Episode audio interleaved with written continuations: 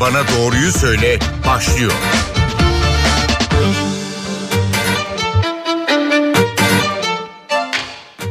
NTV Radyo'dan herkese merhaba ben Aynur Altunkaş. Yeni bir Doktor Bana Doğruyu Söyle programında birlikteyiz.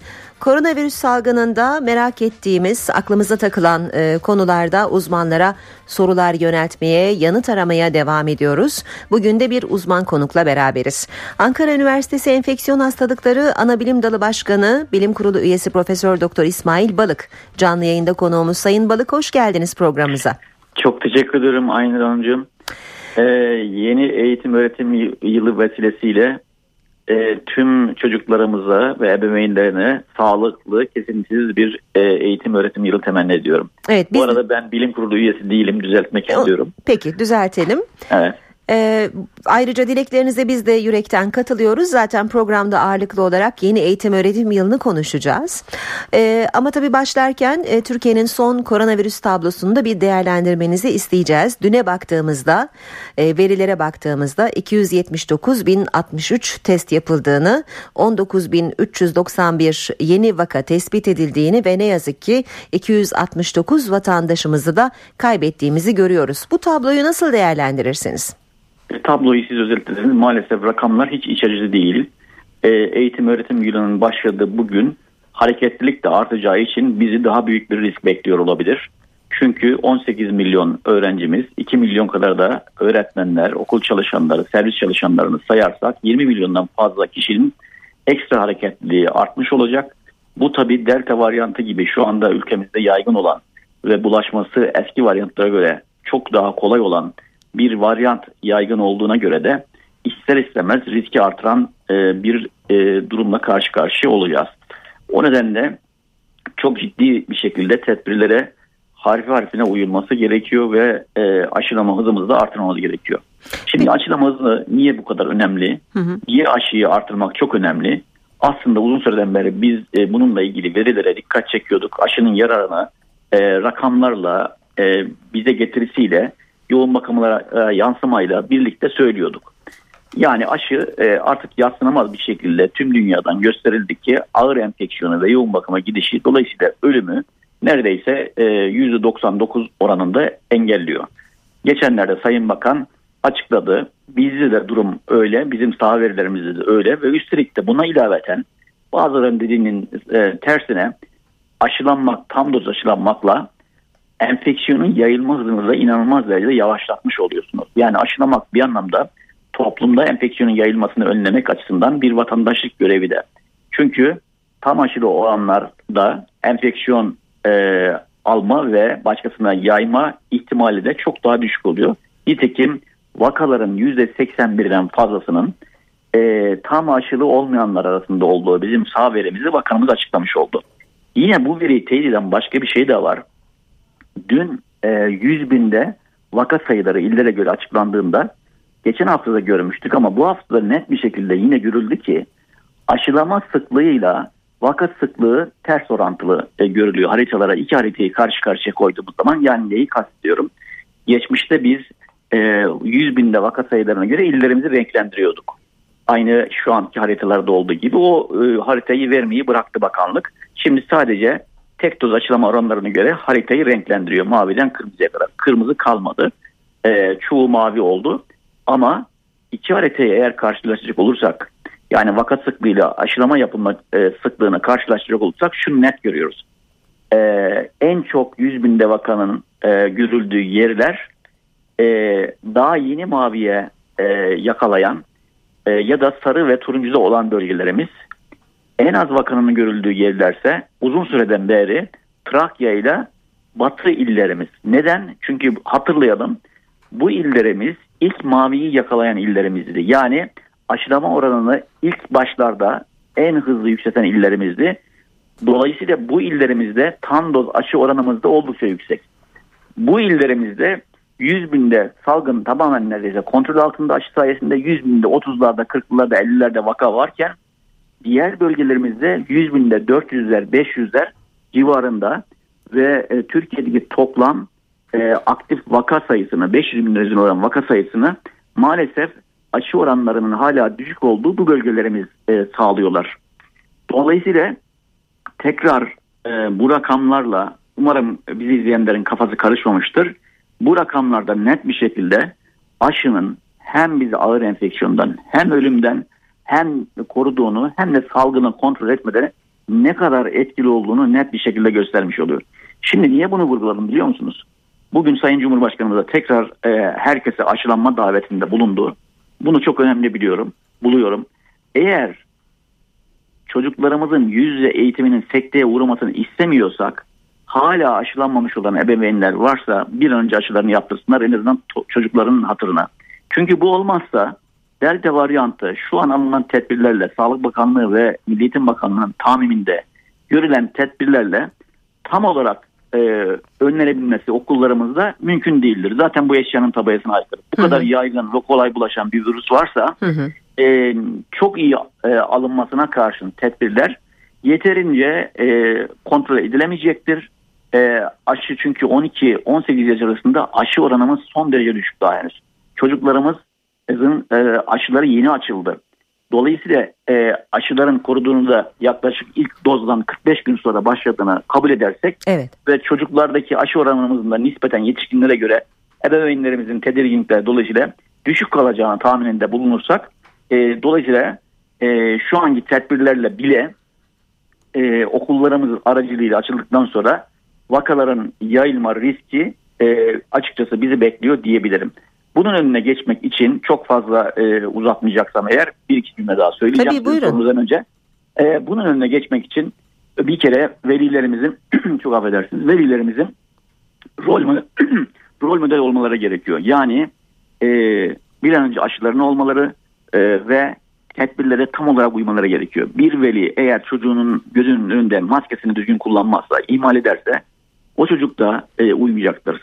Eğer veliler, öğretmenler, servis çalışanları tedbirlere tam uyarsa bugün eğitim alacaklar çocuklarımız. Maskeleri nasıl kullanacakları ile ilgili, nasıl korunacakları ile ilgili, mesafeyle, hijyenle ilgili eğitim alacaklar. Eğitim aldıktan sonra yetişkinler de eğer kurallara uyarsa çocuklarımızın çok daha titiz bir şekilde kurallara uyduğunu göreceğiz. Ben çocuklarımıza güveniyorum. Yaz aylarında yetişkinlerimiz çok ciddi bir rehavet içindeydi. Zaten o yüzden bu vakalarımız arttı. Ama çocuklarımız vaka artışına sebebiyet vermeyecektir. Yetişkinlerimiz güzel örnek e, olursa eğer. Evet aslında birçok soruya e, bir çırpıda cevap vermiş oldunuz. Şöyle bir e, özetleyelim yeni dönemin bazı kurallarını.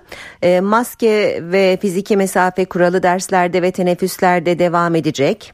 E, sınıfta bir kişinin pozitif olması durumunda eğitim e, maskeler takılı olmak kaydıyla devam edecek. Sınıftaki öğrenciler ve öğretmen 14 gün süreyle izlenecek. Aynı sınıfta 10 gün içinde ikinci bir vaka çıkması halinde Sınıftaki öğrenciler ve öğretmen yakın temaslı kabul edilip evlerinde karantinaya alınacak. Bu önlemler yeterli olur mu sizce Sayın Balık? Şimdi bu önlemler e, aslına bakarsanız e, iyi gibi görünüyor ama şöyle bir risk barındırıyor içinde. Dedik ya delta varyantı çok bulaşıcı. Buna ilaveten şu bilgiyi de hatırlatalım. E, çocuk yaş grubunda e, bu delta varyantın her ne kadar yetişkinler kadar ağır seyretse bile belirtisiz seyretme oranı yetişkinlere göre çok daha fazla. Yani buradan şu sonucu çıkarmamız gerekiyor. Eğer bu tahminine bakacak olursak bir çocuk e, pozitif bulunduğunda e, yüzde eğitim kesintiye uğramasınız diye toleranssız davranılmış tahminde ve e, kurallara uymak kaydıyla zaten e, çocuk pozitif bulunursa bulunmasa da kurallara uyma zorunluluğu var. Yani maskeler, mesafeler uyulduğu takdirde yine e, bu sınıf karantinaya alınmadan yüzde eğitim devam ettirildi deniliyor. İkinci bir vaka çıkana kadar. Ama burada bir e, sıkıntı doğabilir. Bunu göreceğiz uygulamada ne şekilde bir sıkıntı olup olmayacağını. E, bir e, pozitif vaka çıkınca aynı anda e, başka çocuklarda da pozitiflik belirtisiz olsa bile olması söz konusu olabilir. E, bu oran belirtisiz olacağı için yetişkinlere göre daha fazla olacağı için yakalama şansımız, belirtili yakalama şansımız e, diğer vakalara olmadan daha fazla e, sınıfa yayılma riski söz konusu olabilir. Dolayısıyla çocuk ebeveynine götürecek. Ebeveyninde eğer aşılı değilse ebeveynine e, riskli olacak bir aşı virüsü bulaştırabilir. Ebeveyninde ağır seyredebilir, yoğun bakıma düşürebilir eğer aşısızsa. Dolayısıyla oradan da ebeveyn de hareketli olacağı için, e, işe güce gideceği için e, topluma yayılma e, zincirini devam ettirebilir e, bu risk. Ben e, eğer bu uygulama e, belirtileri izleme uygulaması kısa süre içinde göreceğiz bunu. Eğer e, vakaları yakalamada yeterli olmazsa o takdirde e, test tarama testleri yapılmasının eklenmesi taraftarıyım. Hı hı. Yani hızlı antijen testleri örneğin çok kolay okullarda bir iki yönetici tarafından öğretmen tarafından uygulanabilecek yapılabilecek testler. Yani şunu demek istiyorum. Eğer sınıfta bir çocuk pozitif bulunmuşsa tamam kapatmayalım ama o sınıfı ve tüm temaslarını öğretmenlerini e, hızlı test e, uygulamasından geçirelim. Bu çok hızlı bir şekilde okulda çocukları hiçbir yere göndermeden yapılabilecekler. Bu yapılabilir ya da adapte edilebilirse e, havuz e, PCR testi yapılabilir. Yani pozitif bulunan e, sınıftaki çocukların e, tümü e, PCR e, havuz uygulamasına tabi tutulabilir. E, eğer bu önlemlere sözünü ettiğim bu tip test uygulamaları da eklenirse o takdirde bu alınan tedbirlere ilaveten risk iyice minimize edilmiş olunur. Bunu yapan ülkeler var. Bizde henüz bu uygulamaya geçilmedi ama dediğim gibi e, çok kolaylıkla hızlı test uygulamalarını bir öğretmen, e, bir e, müdür ya da herhangi bir okul çalışanı kolaylıkla okullarında yapılabilir. Sürekli yapılması gerekmiyor. Sadece e, sınıfın e, pozitif olduğu e, öğrencilere bu uygulama yapılsa birkaç gün boyunca yeterli e, olacaktır. Kaldı ki özel okullarda, kolejlerde hemşireler de var. Hemşireler yapabilir bu testleri. Ya da e, isteniliyorsa o okula en yakın ana çocuk sağlığı merkezinden e, veya aile hekimliği merkezinden bir hemşire çağrılarak onun hastası aracılığıyla yaptırtabilir bu uygulamalar. E, bir de bu e, tahmin biraz karışık gibi görünüyor. E, aslında biraz bakıldığı zaman çok karışık değil. E, ama yine de mutlaka e, yöneticilerin, okul yöneticilerinin kafalarının karışacağı bir takım bu tahminin içinden yanıt bulamayacakları sorunları olabilir. Bunun için de danışma e, merkezleri kuruldu. Evet. E, telefon danışma. Evet. Oraya arayarak bu sorunlarını giderebilme şansları da sahip olur. Ben şimdilik yüz yüze eğitimin açılmasından e, açıkçası memnunum bir hı hı. hoca olarak. Hı hı. E, ve e, çocuklarımızın da buna çok ihtiyacı olduğunu bilincindeyiz. Herkes bu konuda hiçbir şekilde en ufak bir e, tartışma yürütmüyor. Mutlaka yüz yüze eğitime devam ettireceğiz ama önemli olan bunun e, olabildiği kadar kesintiye uğramadan yapmamız. Evet önemli olan altına, okulları açık tutmak değil mi? Kesinlikle okulları Hı-hı. ve sınıfları. Evet. Yani okullar her halükarda açık tutulacağı defalarca kere açıklandı ama sınıfın da sınıfların da e, olabildiği kadar açık kalması ve topluma okulların hareketliliğinden virüs yayılmasına artırıcı e, risk oluşturucu ne e, olaylar olabilecekse bunların önünün e, kesilmeye çalışılması gerekiyor. Bu tedbirler iyi gibi görünüyor ama ben bir şeye daha dikkat çekmek istiyorum izninizle. Servisler özellikle çok önemli. Çok daha dar alanda özellikle havalar soğuyunca, soğuyunca e, açılması, havalandırılması zor olacağı için e, servislerde alınacak olan tedbirlerin e, mutlaka çok iyi denetlenmesi gerekiyor. Servis çalışanların tam açıl olması ve çocukların da hiçbir şekilde serviste maskelerini çıkarmamaları ve yiyecek içecek e, asla servis içinde e, olmaması gerekiyor. Eşyalarını paylaşmama konusunda başka da çocuklarla paylaşmama konusunda çocuklarımızı iyi eğitmemiz gerekiyor. Ve tabii tüm bu eğitimler ebeveynden, aileden başlaması gerekiyor rol model olma, örnek olma çocuklara anne babadan başlamalı. Evet aslında şimdi burada iki handikap varmış gibi görünüyor. Ee, biri çocuklara test yapılmadığı için e, çocuklarda özellikle geçen ay ortaya çıkan bir nezle salgını vardı. E, malum işte sonbaharda geldi. E, bu dönemde burun akıntıları olabilir, e, alerjik bazı reaksiyonlar gösterebilir çocuklar. E, boğaz ağrısı olabilir. E, bunların Covid ile karıştırılıyor olması bir handikap gibi duruyor. E, bir diğeri de e, aileler aşılı olsa bile e, hafif geçirdikleri bir e, Covid söz konusu olabilir. Test yaptırmaktan kaçınabilirler. Yeter ki çocuğum okuldan uzak kalmasın. Yeniden bir karantina sürecine girmeyelim. E, çocuk hazır okula alışmışken e, o süreci sekteye uğratmayalım diye e, kendisini hasta olduğunu saklıyor e, olabilir ya da olabilecektir. Siz e, bu konuda velilere neler söylemek istersiniz? Aynen çok çok önemli bir noktaya temas ettiniz. Teşekkür ediyorum. Ben bu noktayı e, atladım. E, şöyle ki e, salgın sırasında bir kuralımız vardır. Bir belirti olduğunda öncelikle salgını yapan hastalığın ekart edilmesi gerekir. Onun olmadığının ispatlanması gerekir. Yani bir e, çocuğumuzda eğer en ufak bir semptom varsa nezle bile olsa e, ya da karın ağrısa bile tabiri caizse Hı hı. o takdirde ebeveynin hiçbir şekilde durum netleşmeden çocuğunu okula göndermemesi gerekiyor. Okula gönderirse sınıfında başka vakaların ortaya çıkmasına sebebiyet verir. Asıl o zaman çocuğun yüz yüze eğitimi hem kendi çocuğunun hem de diğer çocukların yüz yüze eğitiminde aksama meydana gelir. Yine ebeveynlerin kendisinde de en ufak bir belirti varsa e, Covid olmadığı belli olana kadar çünkü çocuğu da onun en yakın temaslı olduğu için e, çocuğunu okula göndermemesi gerekiyor. Yani burada en büyük sorumluluklardan bir tanesi yüz yüze eğitimin kesintiliğe uğramasıyla alakalı. En Veliye büyük düşüyor. sorumluluk veliye düşüyor. Evet. Veliler inanılmaz derece hassas davranması gerekiyor. Çünkü çocuklara da velilere de zorunlu PCR test uygulaması konulmadı. İlk başlangıçta veliler için bu konu tartışılmıştı ama konulmadı. Zaten PCR testini sürekli yaptırmak inanılmaz derecede zorlayıcı olacaktır. PCR testini testi sürekli yaptırmak zorunda olanların e, başta öğretmenler üzere, olmak üzere e, hızlı bir şekilde aşıya yönlendiklerini görüyoruz. Umarım bu sayede bu zorunluluk daha da e, azalır ya da yaptırmak zorunda olan kişilerin sayısı azalır. Çünkü hastanelerde bugünden itibaren çok ciddi bir yüklenmelere neden olacağı e, görüldü. Kısa süre içinde bunu e, fark etmeye başladık. Peki aşıda yaş sınırının 12'ye çekilmesini nasıl değerlendiriyorsunuz? Bu konuda e, aşı konusunda e, çocukların aşı yaptırma konusunda tereddüdü olan ailelere ne söylemek istersiniz? Bir kere çok e, doğru yerinde uygulama. Demiştik ya delta varyantı çocuklarda da ağır enfeksiyon yapıyor ve onlar arasında çok kolay bulaşıyor öncekilere göre diye.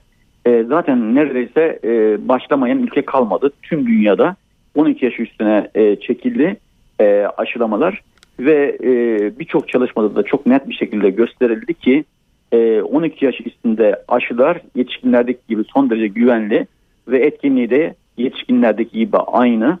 Dolayısıyla bizim hiçbir şekilde ebeveynlerimizin e, çekinmemesi gerekiyor ve bir an önce çocuklarını aşılattırmaları yüz yüze eğitim açısından ve sağlıkları açısından e, son derece yararlı. E, şeffaf olmakta yarar var. Geçmişte konuşuldu. Genç yaş grubunda işte miyokardit, kalp kası, iltihabı vesaire gibi e, laflar e, çıkmıştı medyada. E, yine çok net bir şekilde anlaşıldı ki e, çocuklarda e, bu geldiğimiz e, süreçte çok fazla sayıda aşı yapıldı ve saha verileri de e, net bir şekilde gösterdi ki bu son derece nadir görülen bir durum e, ve de e, tedavi edilebilir bir e, problem. Yani e, aşıya bağlı eğer çok nadir de olsa bir miyokardit gelişirse çok kolay teşhisi yapılabilen ve çok kolay tedavisi yapılabilen bir durum ve e, buna bağlı da hiç bugüne kadar bir ölüm görülmedi.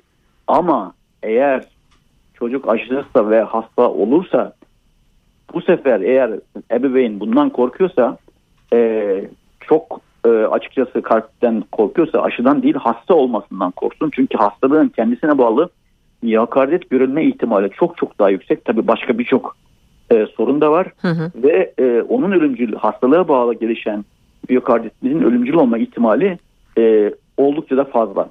Şimdi bir başka şey de yine açıklandı, dün verisi yayınlandı.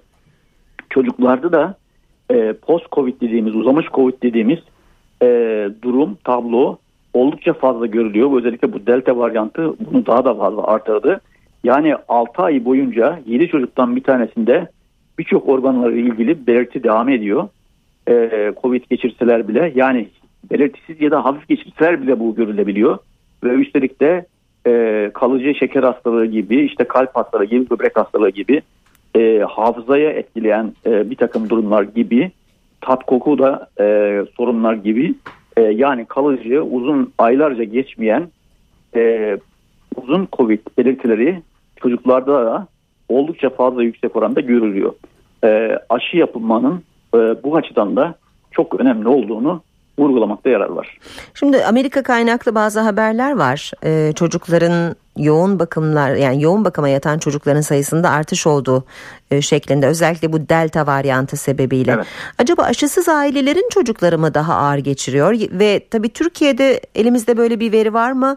Yoğun bakımda yatan çocuk sayısını biliyor muyuz? E, şimdi e, bu veri de gerçekten öyle. Aşısız çocuklar daha çok yoğun bakıma gidiyor. E, dünyadan çok fazla veri var ama bizde e, Sayın Bakanımız saha verileri içinde bu ayrımı yapmadı. Ama e, çocuk enfeksiyoncu arkadaşlarımızdan öğrendiğimiz kadarıyla e, delta varyantının hakim haline geldikten sonra e, ve e, ileri yaştakilerde aşılama oranımız artmasıyla birlikte e, yoğun bakımlara gitmede genç yaşlara kayma oldu ve dolayısıyla e, çocuk yaş grubunda da yoğun bakımlara yatma eskiye göre daha fazla oranda.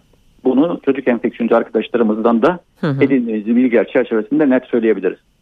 Peki şimdi dinleyenlerimize hatırlatalım. Ankara Üniversitesi Enfeksiyon Hastalıkları Anabilim Dalı Başkanı Profesör Doktor İsmail Balık'la birlikteyiz. Sayın Balık merak edilen konulardan biri de e, kronik hastalığı olanların ya da bazı e, nadir hastalığa sahip olanların aşılanması ya da aşılanmaması konusu. Kimler aşı olamaz? Aşı olmaya engel hastalıklar var mı? E, bu kişilere aşı tanımlanmıyor mu? Eğer tanımlanmıyorsa e, kısıtlamalardan nasıl muaf tutulacaklar? Şimdi e, eskiden e, bazı e, hastalıklarla ilgili belirsizlikler vardı. Ama şimdi çok net bir şekilde görüldü ki neredeyse hiçbir e, hastalık e, halinde e, aşı engel değil. Dolayısıyla e, çok az sayıda bağışıklık sistemini baskılayıcı hastalığı olan ya da ilaç kullanan kişilerde belli periyotlarda aşı yapılamayabiliyor. E, bunu tabii ki e, çocuğun e, ebeveyninin doktoruna danışması gerekiyor ya da yetişkinse kendisinin doktoruna danışması gerekiyor. Hangi aşıyı yaptırabilirim ya da aşıyı yaptırabilir miyim yaptırabilir sorusunu ondan almak gerekiyor. Onun dışında neredeyse hemen hemen e, tüm hastalıklarda e, aşı yapılması bir engel oluşturmuyor. Tersine e, kronik hastalığı olanlarda e, ister doğumdan gelen, doğuştan gelen hastalık olsun, ister sonradan kazanılmış hastalıklar olsun aşı yaptırmak çok daha ön plana çıkıyor. Risk grubu oldukları için daha ağır seyrettikleri için virüsü almaları durumunda ölüm oranı daha yüksek olduğu için bu grupların aşılanması çok daha önem kazanıyor.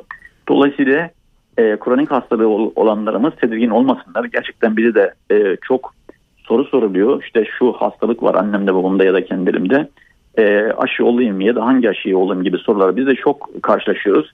Hangi aşıyı olursalar olsunlar kronik hastalığı olanlar mutlaka tam doz aşılarını yaptırmaları gerekiyor. Ve üstelik de bunların şöyle bir şey var, handikapı var. İki doz aşılarını e, yaptırmış ve üçüncü doz aşılarını üzerinden çok zaman geçmiş de bu gruptakilerin yoğun bakıma gitme ve ağır seyretme riski de çok daha yüksek oluyor. O nedenle bu gruptakiler e, tam doz aşı onlar için mutlaka üçüncü doz aşıyla zaman gelmişse yaptırmaları şeklinde oluyor. Peki şimdi aşılar konusunda bir soru daha var. Örneğin iki Sinovac olduktan sonra üçüncü dozu BioNTech olanlara dördüncü doz tanımlanmadı. Ancak hani yurt dışına çıkanlar yaptırabiliyorlar isteğe bağlı olarak dördüncü doz aşılarını. E, fakat e, şu ana kadar hiç aşı olmamış ve ilk aşısını BioNTech olanlara bir sonraki aşı yaklaşık bir ay sonra tanımlanıyor. E, neden bu durumda dördüncü doz aşı da tanımlanmıyor, üçüncü dozunu BioNTech olanlara? Evet, şimdi e, bir kere şunu söyleyelim. Dördüncü doz diye bir şey şu anda hiç dünyanın hiçbir yerinde yapılmıyor ve gerekli de olmadığı görüldü. E, aşılar bir süre sonra etkinliği azalıyor. Bu e, yine e, birkaç ay önce BioNTech'in e, başındaki Sayın Uğur Şahin de söylemişti ve e, Amerika FDA'de e, CDC'de açıkladı ki 6 aydan sonra 2 doz BioNTech yaptırmış olan kişilerde 3. doza ihtiyaç olduğu ve bununla ilgili de onay verdiklerini söylediler açıkladı Amerika'dan da. Şimdi biz ilk aşılarımızı e, Sinovac yaptırmıştık. Yani inaktif aşı yaptırmıştık. Evet. E, uzun süre önce 6 ayı geçti e, çoğu vatandaşımızda. Dolayısıyla e, Türkiye'de 3. dozu ilk baştan e, ülke olarak biz e, iki doz Sinovac'ını yaptırmış olan kişilere ilk aşı olduğu için o zaman Biontech yoktu. E, üçüncü doz olarak bakanlık isterse Biontech isterse Sinovac hakkı tanıdı. Ve birçoğu bu durumda olanlar üçüncü dozlarını yaptırdılar. Ama Avrupa Birliği e, bizim kullandığımız Sinovac aşısını onaylamadığı için Dünya Sağlık Örgütü onaylamış olsa bile e, nedeni de politik diyebiliriz. Hı hı e, onaylamadığı için ve bundan dolayı Avrupa'ya özellikle seyahat etmek isteyenler mağdur olduğu için bu mağduriyeti gidermek adına Sağlık Bakanlığı e, bu durumdakilere dördüncü doz hakkını vermiş oldu. Yani iki sınavın üzerine bir Biontech yaptırmışsa bir tane daha Biontech yani iki, ilk başta yapılan iki sınava e, yok farz ediyor e, evet. Avrupa Birliği. Evet. Bundan dolayı iki tane olması gerekiyor Avrupa Birliği'nin kuralına göre e, seyahat sertifikası alabilmek için. Dolayısıyla dördüncü doz olmuş oldu. Bunu e, tanımladı. Normalde ihtiyaç olduğu için değil, sırf Avrupa'ya e, gidebilmeyi kolaylaştırmak için bu sertifikayı alabilmek için bu hak tanınmış oldu. Hı hı. Dolayısıyla burada esas olan şey bir sertifika almak için minimum Avrupa'nın tanıdığı aşılardan iki tanesini yaptırmış olmak. Bizde oradaki aşılardan bir, e, sadece Biontech olduğu için Biontech'i başlangıçtan itibaren iki doz Biontech yaptırmışlar onun için. Üçüncü veya dördüncü doza ihtiyaç yok. Hı hı. Ee, burada esas olan iki tane Biontech'iniz olması gerekiyor seyahat sertifikası alabilmek için. Dördüncü olayı buradan çıkıyor. Hı hı. Normalde teknik olarak, bilimsel olarak şu anda dördüncü doza ihtiyacımız yok. Eğer buna ihtiyaç olursa veya ne zaman ihtiyaç olduğu gözleniyor, yakından takip ediliyor. O takdirde zaten duyurusu yapılacaktır. Peki o zaman şöyle söyleyebilir miyiz? Yani kesin bir e, yargıya e, varmak elbette doğru olmayabilir ama e, iki doz Sinovac üzerine bir doz BioNTech olanlar ve iki doz BioNTech olanlar en az 6 ay korunuyor diyebilir miyiz? Evet şu anki bilgiler ışığında böyle diyebiliriz. Hı hı. E, Delta varyantına söz konusu olunca eğer mesela daha önceki İngiliz varyantında tek doz Biontech bile önemli ölçülerde koruyabiliyordu. Dolayısıyla varyantlar e, durumu değiştiriyor. E, salgın ilk defa başımıza gelen bir şey olduğu için e, zaman içinde e, bilgiler, veriler elimize geçtikçe değişkenlik gösterebiliyor. E, yeni şeyler sonra, öğreniyoruz her an adeta. Yeni şeyler öğreniyoruz tabii evet. Bundan sonra eğer delta varyantından başka bir varyant çıkarsa o varyantın aşıların etkisine e, ne şekilde azaltacak ya da azaltmayacak mı bunu görüp ona göre tabii ki tavır takılmamız gerekiyor. E, şu anda delta varyantı aşıların etkisini önemli ölçüde azaltmadığı için aşının içeriğini de değiştirme gereksinimi duyulmadı. E, aşı üreticiler tarafından bunu biz de e, gözlemliyoruz. Dolayısıyla sadece güçlendirme ihtiyacı doğdu e, üçüncü dozla. Yani eskiden İngiliz varyantı devam etseydi biz iki doz Biontech'i yapılanlara belki bir sene sonra üçüncü dozu hatırlatma dozunu ya da güçlendirme dozunu yapacakken şimdi bunu e, 6 aya e, çekmek durumunda kaldık. E, daha fazla miktarda daha e, güçlü bir antikor ve daha güçlü bir bağışıklık e, olması durumunda delta'ya karşı daha sağlam bir koruma sağlandığı için. Şimdi tabii kuşkusuz aşı çalışmaları çok önemli. Söylediğiniz gibi her yeni bir varyantta belki aşıların da güncellenmesi gerekiyor ama e, belki de bundan daha da önemlisi ilaçlar. Yani koronavirüsü e, tamamen tedavi edebilen ilaçlar konusunda da çalışmalar bir taraftan devam ediyor. E, şimdi Amerika'da geliştirilen bir ilacın faz 3 çalışmalarına başlandığını siz açıkladınız geçen günlerde. Bize biraz bu ilacı anlatabilir misiniz Sayın Balık? Bu ilaç bir antibiyotik. Ee, yani hep kullana geldiğimiz e, günlük hayatımızda yer olan antibiyotiklerden bir tanesi gibi işleyen ama virüse, koronavirüse direkt etkili olan, onu direkt öldüren, hayati organlara gitmesini engelleyen bir virüs. Ee, Amerika'da e, Amerikan vatandaşlarına faz, bir iki çalışmaları yapıldı. O e, çalışmalardaki verilerin çok iyi olduğunu gördüğümüz için bize de teklif edilmesi üzerine biz de bu çalışmanın faz 3'üne e, katıldık. Türkiye'den 3 merkezle birlikte. Dünyada da 12 ülkede kullanılıyor. E, ama çok ilginç bir şekilde bu ilacı hiç aşı yaptırmayıp da riski yüksek olan kişiler yani bunlar da yoğun bakıma gitme ve ölüm riski daha fazla olduğu için tamamen açık olması nedeniyle bu kişilere davet etmemize rağmen maalesef bu böyle bir çalışmaya böyle bir fırsatı el, ellerinden bir kenara ittiler. Yeterince gönüllü etmedi. bulamadınız Yeterince mı? Yeterince gönüllü bulamadık. Çok şaşırttı bizi açıkçası bu. Düşünün hiç aşısı yok ve risk grubunda e, ağır seyretme riski çok fazla. Elinde böyle bir silah var, aşı ilaç var. E, 20 taneden bir tanesi kabul etti. Hı hı. Bu şu e, sonucu çıkardı bize. Hiç aşı yaptırmayanlar e, modern tıbbın e, kendilerine sunduğu diğer fırsatları ve ellerinin bir ter, kenarıyla ter, tersiyle ittikleri yani sadece geliyor. aşı karşıtı değil adeta bilim karşıtı. Bilim karşıtı gibi bir tablonun maalesef e, bu korona sürecinde e, toplumun bir kesiminde sanki kemikleşmeye doğru gittiği gibi bir kaygı oluşturdu bizde. Umarız böyle olmaz. E, çünkü önceleri böyle değildi. Biz e, benim başında bulunduğum merkez e, Türkiye'deki birçok merkezle birlikte hem ülke içinde hem de uluslararası büyük araştırmaları yürüten merkezlerden bir tanesiyiz. Bugüne kadar e, açıkçası böyle bir durumla e, pek karşılaşmadık. Bu Covid'in bize getirdiği e, açıkçası e, sıkıntılardan, sorunlardan bir tanesi. Onların yans onun yansıması diye e, değerlendiriyoruz açıkçası. Gönüllü yani olmak için buradan, e, gönüllü olmak için ne gerekir Sayın Balık? Ne yapmak gerekiyor? E, sadece bize telefonla başvurmaları gerekiyor. Telefonla bize başvurursalar e, uygunlukları durumunda kendilerinin hı hı. yarar göreceğini düşündüğümüz hastalarımızı biz bu e, çalışmaya alıyoruz. E, ve kendilerini detaylı bir şekilde bilgilendiriyoruz. E, ve e, umarım sağlık okulu yazarlığını e, pozitif yönde e, arttırabilirsek sizlerin de gayretiyle, destekleriyle e, hangi bilginin doğru olduğu, hangisinin yanlış olduğu, hangi bilginin ticari olduğu, istismar e, olduğu arka planında bunu vatandaşımız e, zaman içinde öğrenebilirse sizlerin desteği ve sayesinde e, o takdirde bu tip sıkıntıları açıkçası daha az görürüz diye düşünüyorum. Çünkü Batı ülkelerinde insanlar e, özellikle yeni çıkan ilaçları kullanma konusunda klinik araştırma katılma konusunda inanılmaz takipçidirler. Hı hı. Onlarda gönüllü bulma konusunda hiçbir zaman sorun yaşanmaz. Çok kolay bir şekilde ilk duyurusunun yapıldığında hemen e, gönüllüler telefonla ve internetten başvurularını yaparlar. E, böyle bir toplumda Batı toplumlarına gelenek yerleşmiştir. E, ama biz de artık yavaş yavaş bunun gelişmesinde yarar var e, diye ümit ediyorum. Peki. Sayın Balık çok teşekkür ederiz programımıza katıldığınız için. Ben de teşekkür ederim. İyi yayınlar diliyorum. Ankara Üniversitesi Enfeksiyon Hastalıkları Anabilim Dalı Başkanı Profesör Doktor İsmail Balık Doktor Bana Doğruyu Söyledi konuğumuzdu. Ben Aynur Altunkaş yeniden buluşmak üzere hoşçakalın.